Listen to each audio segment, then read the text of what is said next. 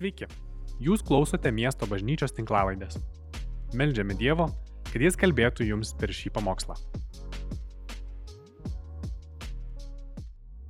Mes visi esam dėl ko nors nepatenkinti. Kartais mes esam nepatenkinti dėl savo svorio, kiti dėl oro, dėl maisto, dėl maisto kiekio, dėl maisto skonio, dėl daug lietaus, mažai lietaus. Nu, mes esam tokie žmonės, kad mes nuolat esam dėl kažko nepatenkinti. Kai kurie iš mūsų mes e, mėgstam apie tai paskaityti, pasidalinti su kitais, kokį blogą pasiklausyti, e, kokį audio įrašą, galbūt pamokslą pasiklausyti. Mums patinka galvoti apie tai, kas mus netenkina. Ir nieko dėl to nedaryti. Mums atrodo, kad kaip yra, nu taip jau yra ir nieko dėl to nepadarysi. Tačiau tiesa yra tokia, kad net kai mes sakom, mums kažkas nepatinka, mums kažkodėl vis vien tai patinka.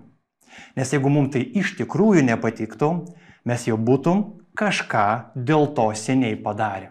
Tačiau mes renkamės labiau apie tai galvot, kalbėt, dalintis, gal net melstis, bet iš esmės nieko dėl to nedaryti.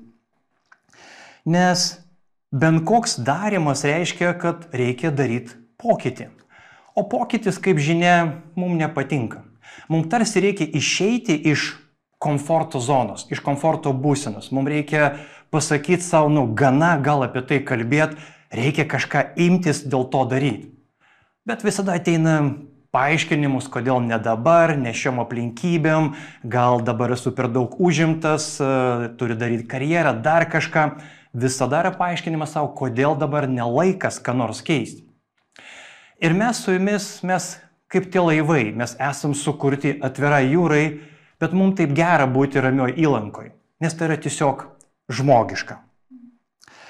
Šiandien noriu pakalbėti apie mano tikrai itin mėgstamą žmogų Biblijoje, apie jį gal kiek mažai, mažiau kalbam, tačiau jisai tikrai padarė didelį darbą dėl viešpatės. Aš noriu kalbėti apie Nehemiją. Labai svarbu pasidalinti trumpą prieš istoriją ir turbūt tą visą istorinį kontekstą nutiesti. Mes žinom, kad Babilono karalius Nabuchodonosoras paėmė nelaisvin visą žydų tautą ir iš esmės ištrėmė į Babilono miestą. Jeruzalė liko sugriauta, šventikla sugriauta, nėra vilties, nėra ateities, tarsi vientisas prakeikimas. Ir kai mes skaitom Nehemijos knygą, tai yra suėjo virš šimtą metų, kai visa ta tauta buvo ištremta, net pats Nehemijas buvo gimęs nelaisviai. Jau persų karaliaus uh, laikais jisai pasiekė tikrai aukštą poziciją. Jis buvo karaliaus vyno pilstytojas. Kiek vėliau pakalbėsim, ką tai reiškia. Bet visa tauta buvo tiesiog be vilties, kad kažkas gali būti kitaip. Ezros knygui mes skaitom, kad pranašas Ezra jau atkūrė šventyklą ir jau liktai kažkas pradėjo keistis. Tačiau pats miestas vis dar be sienų, be vartų, jie yra sudeginti ir kas be norėtų galėtų ateiti ir nuskriausti, pavokti, atimti. Miestas be sienų, kaip šiandien būtus be durų ateik im, ką nori. Apie tai visi kalbėjo, apie tai visi nuogastaudavo, apie tai daug kas kalbėjo su liūdėsiu. Tačiau niekas nieko dėl to nedarė. Ir Nehemijas ant, ant, kitaip nei visi kiti sureagavo kažkiek kitaip. Pirmą, kai jis išgirdo šitą žinę, O mes turim suprasti, kad Nehemijas buvo nu, ypatingas minybė, ypatingas net tuo, kad jisai gimė visai kitoj šaly. Kitaip tariant, jisai gimė nelaisviai, jisai visą savo gyvenimą nugyveno kitoj šalyje ir apie Jeruzalę jisai girdėjo tik istorijas. Čia tas pats būtų kaip dabar lietuvių šeima prieš keletą šimtmečių būtų iškeliavusi Ameriką ir anūkai užaugę Amerikoje, New York'e girdėtų apie Vilnių, bet tik iš paveiksliukų. Ir tai, tie paveiksliukai nieko gero. Griuvėsiai, liudesis, skausmas, piktis. Ir štai Nehemijas, kuris užaugo visai kitoj šaly, toli toli nuo savo pažadėtos žemės. Kai jisai išgirdo iš izraelito, kaip sekasi Jeruzaliai, kad jinai yra sugriauta, kad nėra vartų, jie yra sudeginti, kad žmonės gyvena be vilties. Jis taip susigaudino, šventojo dvasia jį taip palėtė, kad jisai atsisėdo ir verkė. Nuoširdžiai prisipažinsiu, aš kažkiek pavydžiu Nehemijai. Aš noriu, kaip jisai kartais susigaudinti dėl neteisingų dalykų, kurie vyksta gyvenime. Nes taip lengva tiesiog eiti gyventi, rūpintis savo dalykais, tarsi tau, nu kaip ne mano reikalas. Ir čia panašiai irgi ne jo reikalas, tai vyksta kitoj šaly. Šaly, kurioje jisai nėra matęs, tik girdėjęs. Jo gyvenimas yra geras, jis turtingas, įtakingas. Trečias žmogus po karaliaus. Ko be panorėtum, tu turi. Ir staiga tai yra žmogus, kuris leido savo širdžiai susigaudinti dėl dalykų, kurie yra neteisingi. Na ir kam iš mūsų nebūna liūdėsio? Visko būna, pasitaiko. Nu, dieną, dvi gali paliūdėti, bet nu, negali vaikščioti su nuliūdės savaitę, dvi. Nu, tai maža to mums dažnai sako, kad nu, liūdėti nėra sveika. Tačiau mes skaitom apie Nehemiją, kad jisai liūdėjo net keturis mėnesius. Jis leido savo būti tame skausme. Jis neskubėjo pabėgti nuo jo. Jisai giliai širdį priimė tai, kas vyksta aplink jį. Nors tarsi jam neturėtų rūpėti. Antra, ką jis padarė, jis ėjo pas Dievą. Jis suprato, kad jisai negali panešti tokios naštos. Taip jam rūpė, bet atstatyti miesto sieną, atstatyti šalies likimą, koks žmogus, koks tu bebūtum įtakingas, gali pakelti tokią naštą. Ir jisai klaupėsi prieš viešpatį, atgailaudamas ne tik už save. Nežinau, ar jisai buvo padarę bent vieną nuodėmę, už kurią Jeruzalė buvo sugriauta. Nes visa tai vyko prieš keletą šimtą metų, jam dar negymus. Bet jisai meldžiasi viešpatį, atleisk mum mūsų kaltes. Jisai susitapatino su ta problema, ta prasme, kad jam taip giliai rūpėjo. Ir jisai verkė prieš viešpatį. Dieną, dvi, naktis. Jisai pasninkaudavo, jisai nerimaudavo. Taip giliai jį palėtė Dievo skausmas. Ta problema, kurią patyrė jo tauta. Aš norėčiau patirti tą skausmą. Aš norėčiau, kad man skaudėtų.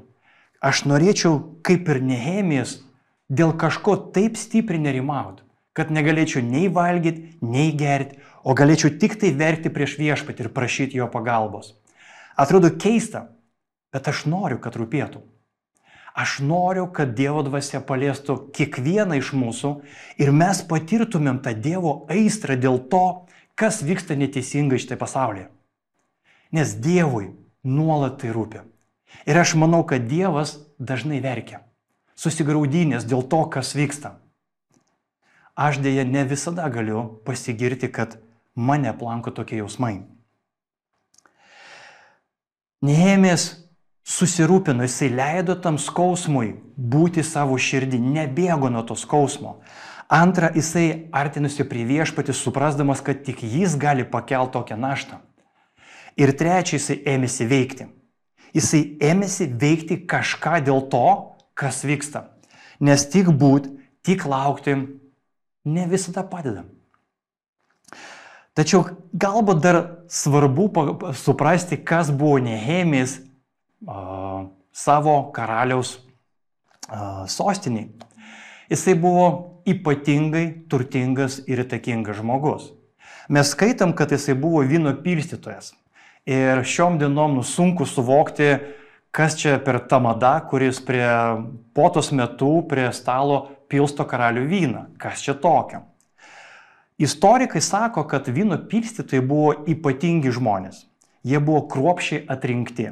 Visų pirma, jie turėjo būti itin protingi, išsilavinę. Jie turėjo gebėti kalbėti su karalium svarbiausiais klausimais - politikos, ekonomikos, tautos problematikos lygmenį. Maža to, jis turėjo būti ypatingo charakterio, ypatingo pasitikėjimo, nes praktiškai karalius patikėdavo savo gyvybę į jo rankas. Kaip vienas istorikas e, minėjo, tai buvo antras žmogus po žmonos karaliaus arba žmonų, kuriomis jis galėjo pasitikėti. Nes tai būtent šitas žmogus užtikrindavo, kad karalius nebūtų apnuodytas, tuo tarpu pats, turėdamas visus įgaliojimus ir galės, apnuodyti karalių. Taigi Nehemijo gyvenimas buvo geras. Jisai nieko nestokojo. Jisai buvo karalius džiaugsme, jisai tiesiog galėjo mėgauti savo gyvenimu. Jis pasiekė savo karjeros aukščiausią laipsnį. Tiesiog aukščiau nebuvo kur. Ir nepaisant to, jis leido savo širdžiai liūdėti dėl teisingų dalykų. Jis neprisirišo prie to, ką turi, bet nusprendė įdarbinti tai, ką jis turi, savo šalies labui. Ir iš tikrųjų, man tai yra kažkas tokio ypatingo. Vyras, kuris turėjo visas galimybės, norėjo dar daugiau, panorėjo to, ko nieks nenorėjo. Savo gimtinės, gimtojo miesto, pažadėtos žemės, Jeruzalės sienų atstatymu.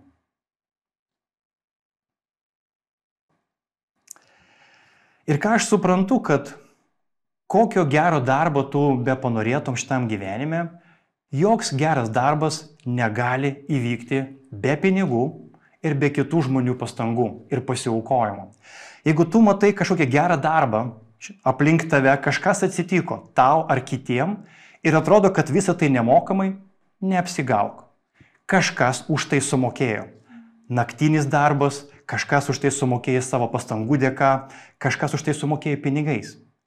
Nebūna gerų darbų, už kuriuos kažkas nesumokėjo. Ir reikia tik vieno žmogaus, kuris panorėtų kažką keisti iš to, kaip yra, į tai, kaip tai galėtų būti. Ir Nehemijas panorėjo. Mes suprantam to pačiu, kad taip viskas prasideda nuo vieno žmogaus, bet vieno žmogaus negana. Reikia kitų žmonių, kurie prisidėtų taip pat su ta aistra keisti tai, kas ne taip, kaip turi būti. Kuris sutiktų aukoti ir aukotis laiko prasme, gyvenimo prasme, energijos prasme, sveikatos prasme, laiko, atostogų, visa tai, kas mums yra šiandien brangiausia. Kažkas turi sutikti aukotis tam, kad kažkas būtų kitaip. Nes bent kokiam geram darbui reikia pinigų, iš žmonių pastangų. Tiesiog taip veikia pasaulis, kuris suturė Dievas. Ir tuo pačiu mes suprantam, kad joks geras darbas neliks nenubaustas. Kitaip tariant, kiekvieną kartą, kai tu užsimanysi kažką daryti gero, kai tu užsimanysi pakeisti blogį į gerą, aplinkinis pasaulis galimai tavęs nepalaikys. Galimai tavęs nepalaikys net patys artimiausi žmonės. Tie, iš kurių tu tikėsi labiausiai palaikymo, jie galbūt tavęs nepalaikys. Ir atvirkščiai kiti, iš kurių tu tikėsi mažiausiai, prisijungs ir kažką darys kartu su tavim dėl to, kam tu esi pašauktas. Bet supraskim, kad tik dėl to, kad tu išdrisai pradėti kažką naujo, vardant Dievo, jo dvasios vedamas negarantuoja, kad tai bus lengvas kelias. Ir ką mes matom? Mes matom, kad neėmės, išgirdęs tą žinę ir susirgęs tuo noru pakeisti kažką, atstatyti miestą, jis meldėsi dieną, jis meldėsi antrą, jis meldėsi savaitę, dvi, trys, keturios, penkios, šešios, nieks nevyksta.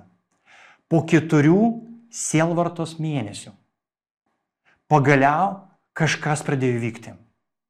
Ir vieną dieną, matyt, jisai buvo antiek giliai susirūpinęs, nemiegojęs.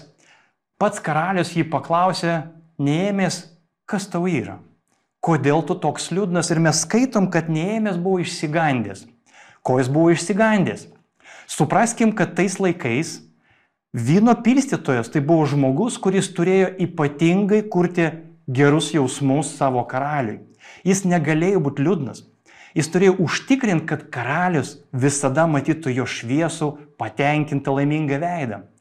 Jeigu tu nusprendai atvirai parodyti, pademonstruoti savo jausmus, kaip dabar mes kartais mokinam savo vaikus, leis savo pasijausti, pabūktame, tais laikais tai gali reikšti, kad tavo gyvenimas bus baigtas ten pat, nes tu ką tik įžeidai karalių savo liūdnu veidu. Ir besimelsdamas Danielius artėja prie karalius, sakydamas, karaliau, kaip man neliūdėt, nes mano protėvių miestas stovi grįvėsiuose. Vartai sudeginti. Ir aš nieko dėl to negaliu padaryti. Ir karalius uždavė ypatingą klausimą. Ko tu nori? Ko tu nori?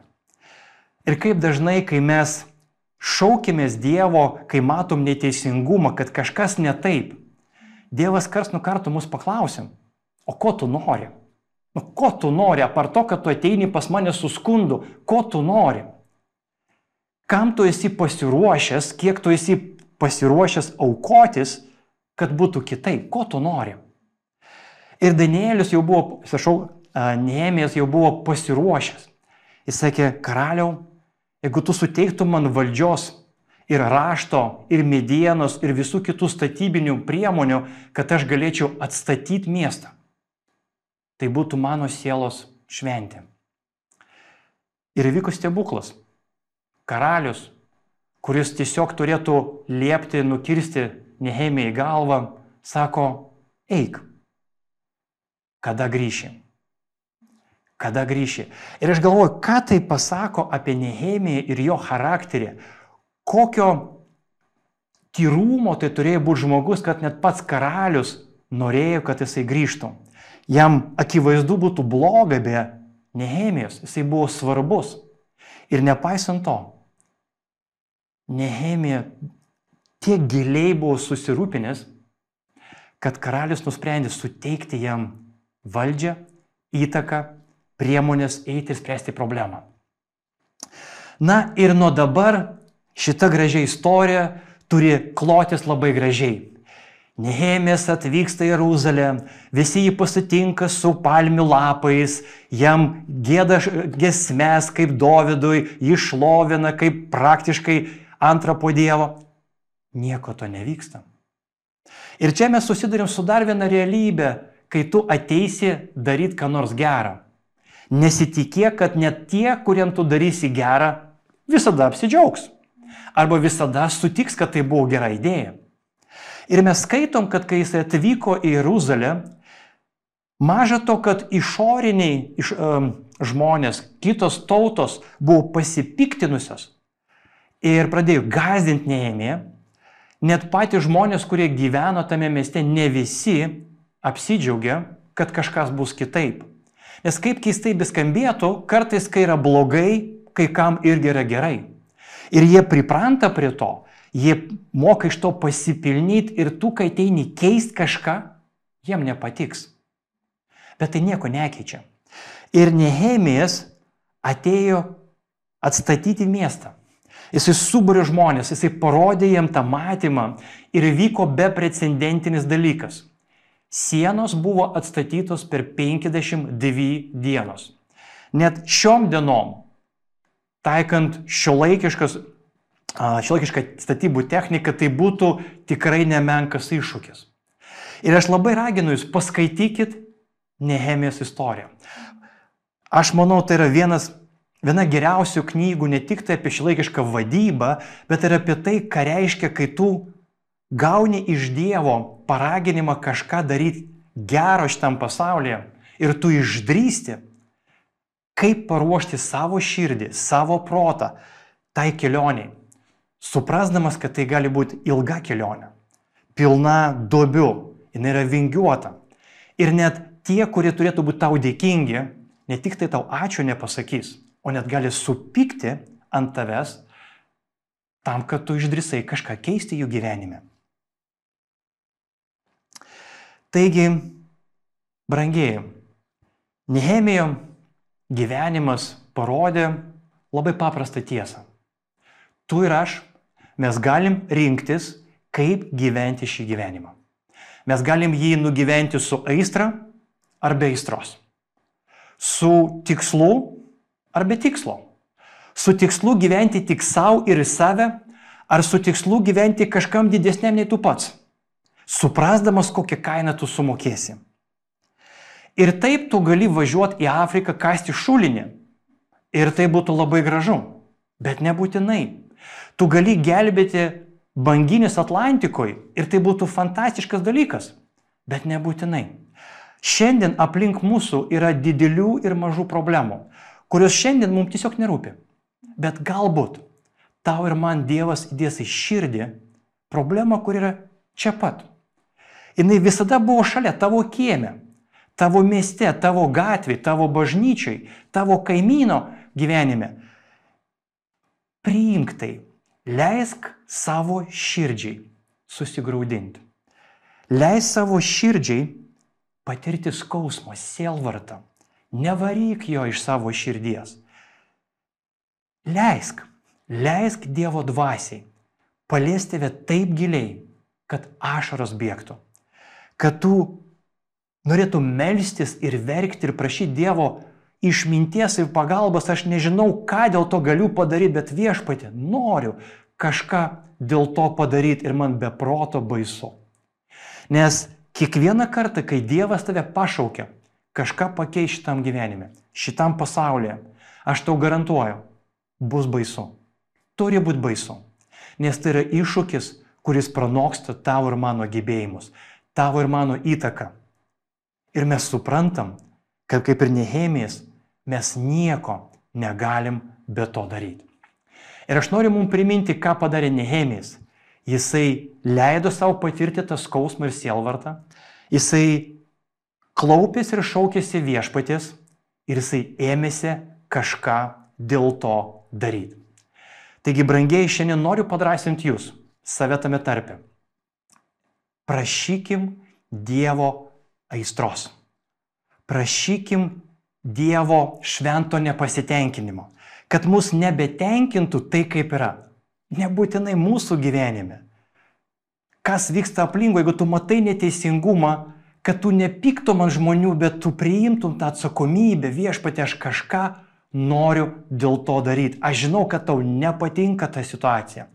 Viešpatė, ką aš galiu dėl to padaryti? Imk mane ir žies kaip molė, panaudok mane kaip gyvą auką, aš noriu viešpatį būti tavo panaudotas.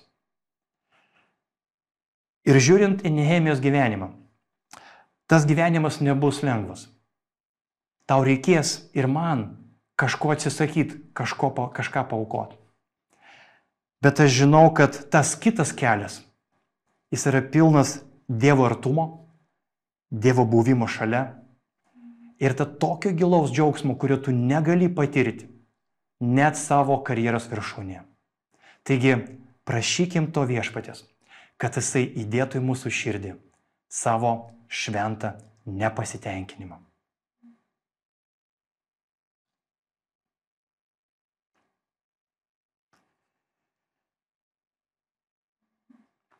Aš taip pat noriu pakviest mus viešpatės vakarieniai. Ir aš noriu paprašyti jūs savo mintise nukeliauti prieš 2000 metų. Mes esam su jumis nedideliai patalpoj, prieblanda, jau tamsu, dega kelias žvakės. Šalia mūsų Jėzus. Ir jisai ištiesi mum taurę. Jisai kviečia mus prie vakarienės stalo, sako, valgyk su manim, būk su manim, aš noriu su tavim pabendrauti jisai laužo duoną, jisai dėkoja viešpačiui ir paima tą gabaliuką, jisai paduoda tau, paduoda man. Mes valgom, suprasdami, kad kažkas čia vyksta ant gamtinio. Jis pripildo taurę. Taurė vyno, mes geriam, mes bendraujam, mes patylim ir mes suprantam, kad tai yra ypatinga akimirka.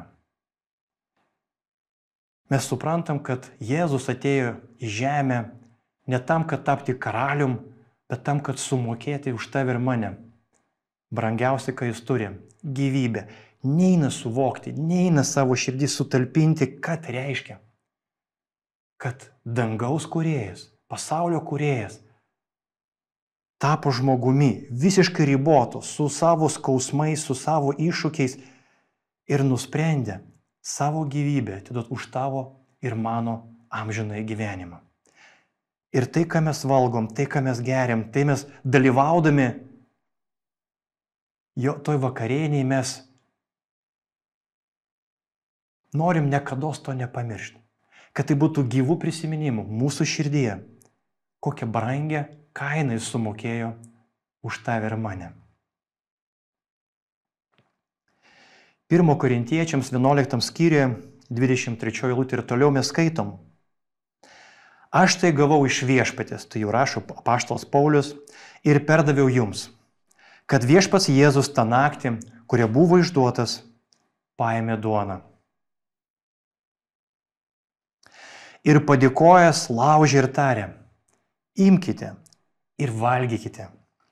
Tai yra mano kūnas, kuris už jūs sulaužomas tai darykite mano atminimui.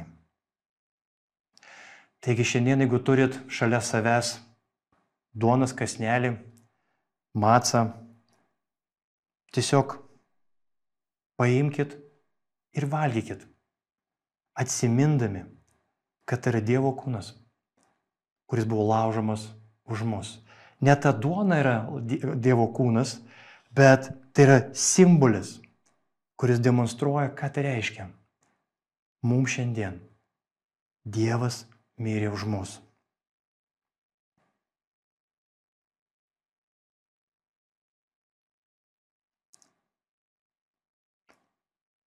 Taip pat po vakarienės jis paėmė taurę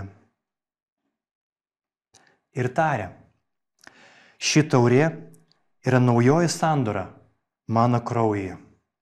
Kiek kartų gersite, darykite tai mano atminimui. Jeigu turit taurę, turit vyno sulčių, atsigerkit. Atsimindami, ką Jėzus padarė dėl mūsų ant kryžiaus. Besimelsdami, kad viešpats padėtų mums suvokti to gilį, to reikšmingumą. Ką tai reiškia, kai gyvas Dievas atidavė savo gyvybę už mane?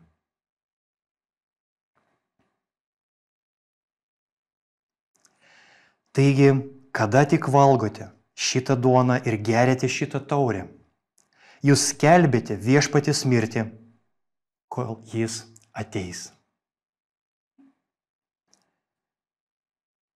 Pasimelskim. Mūsų viešpatė mes tau dėkojam už privilegiją vadintis tavo vaikais, tavo sunumis, tavo dukterim. Pas tave nėra anukų. Už kiekvieną iš mūsų tu nusprendėjai numirti viešpat ir sumokėti brangiausią kainą už mūsų nuodėmės, už mano nuodėmės. Viešpat aš tau dėkoju už neapsakomai brangią kainą, kurią tu sumokėjai už mane. Ir aš prašau tave, keisk mano protą, keisk mūsų širdis, kad mes galėtumėm viešpatį būti panašesni į tave, kad mes galėtumėm net ir šio žemė nors kiek daugiau būti verti tavo aukos. Ir kad mūsų gyvenimai tai atspindėtų iš padėkos, iš dėkingumo tau viešpatį kaip atsakas į tavo auką už mus. Amen. Ačiū, kad klausėte. Daugiau informacijos rasite mūsų svetainėje miestobažnyčia.lt arba Facebook, Instagram ir YouTube paskiruose.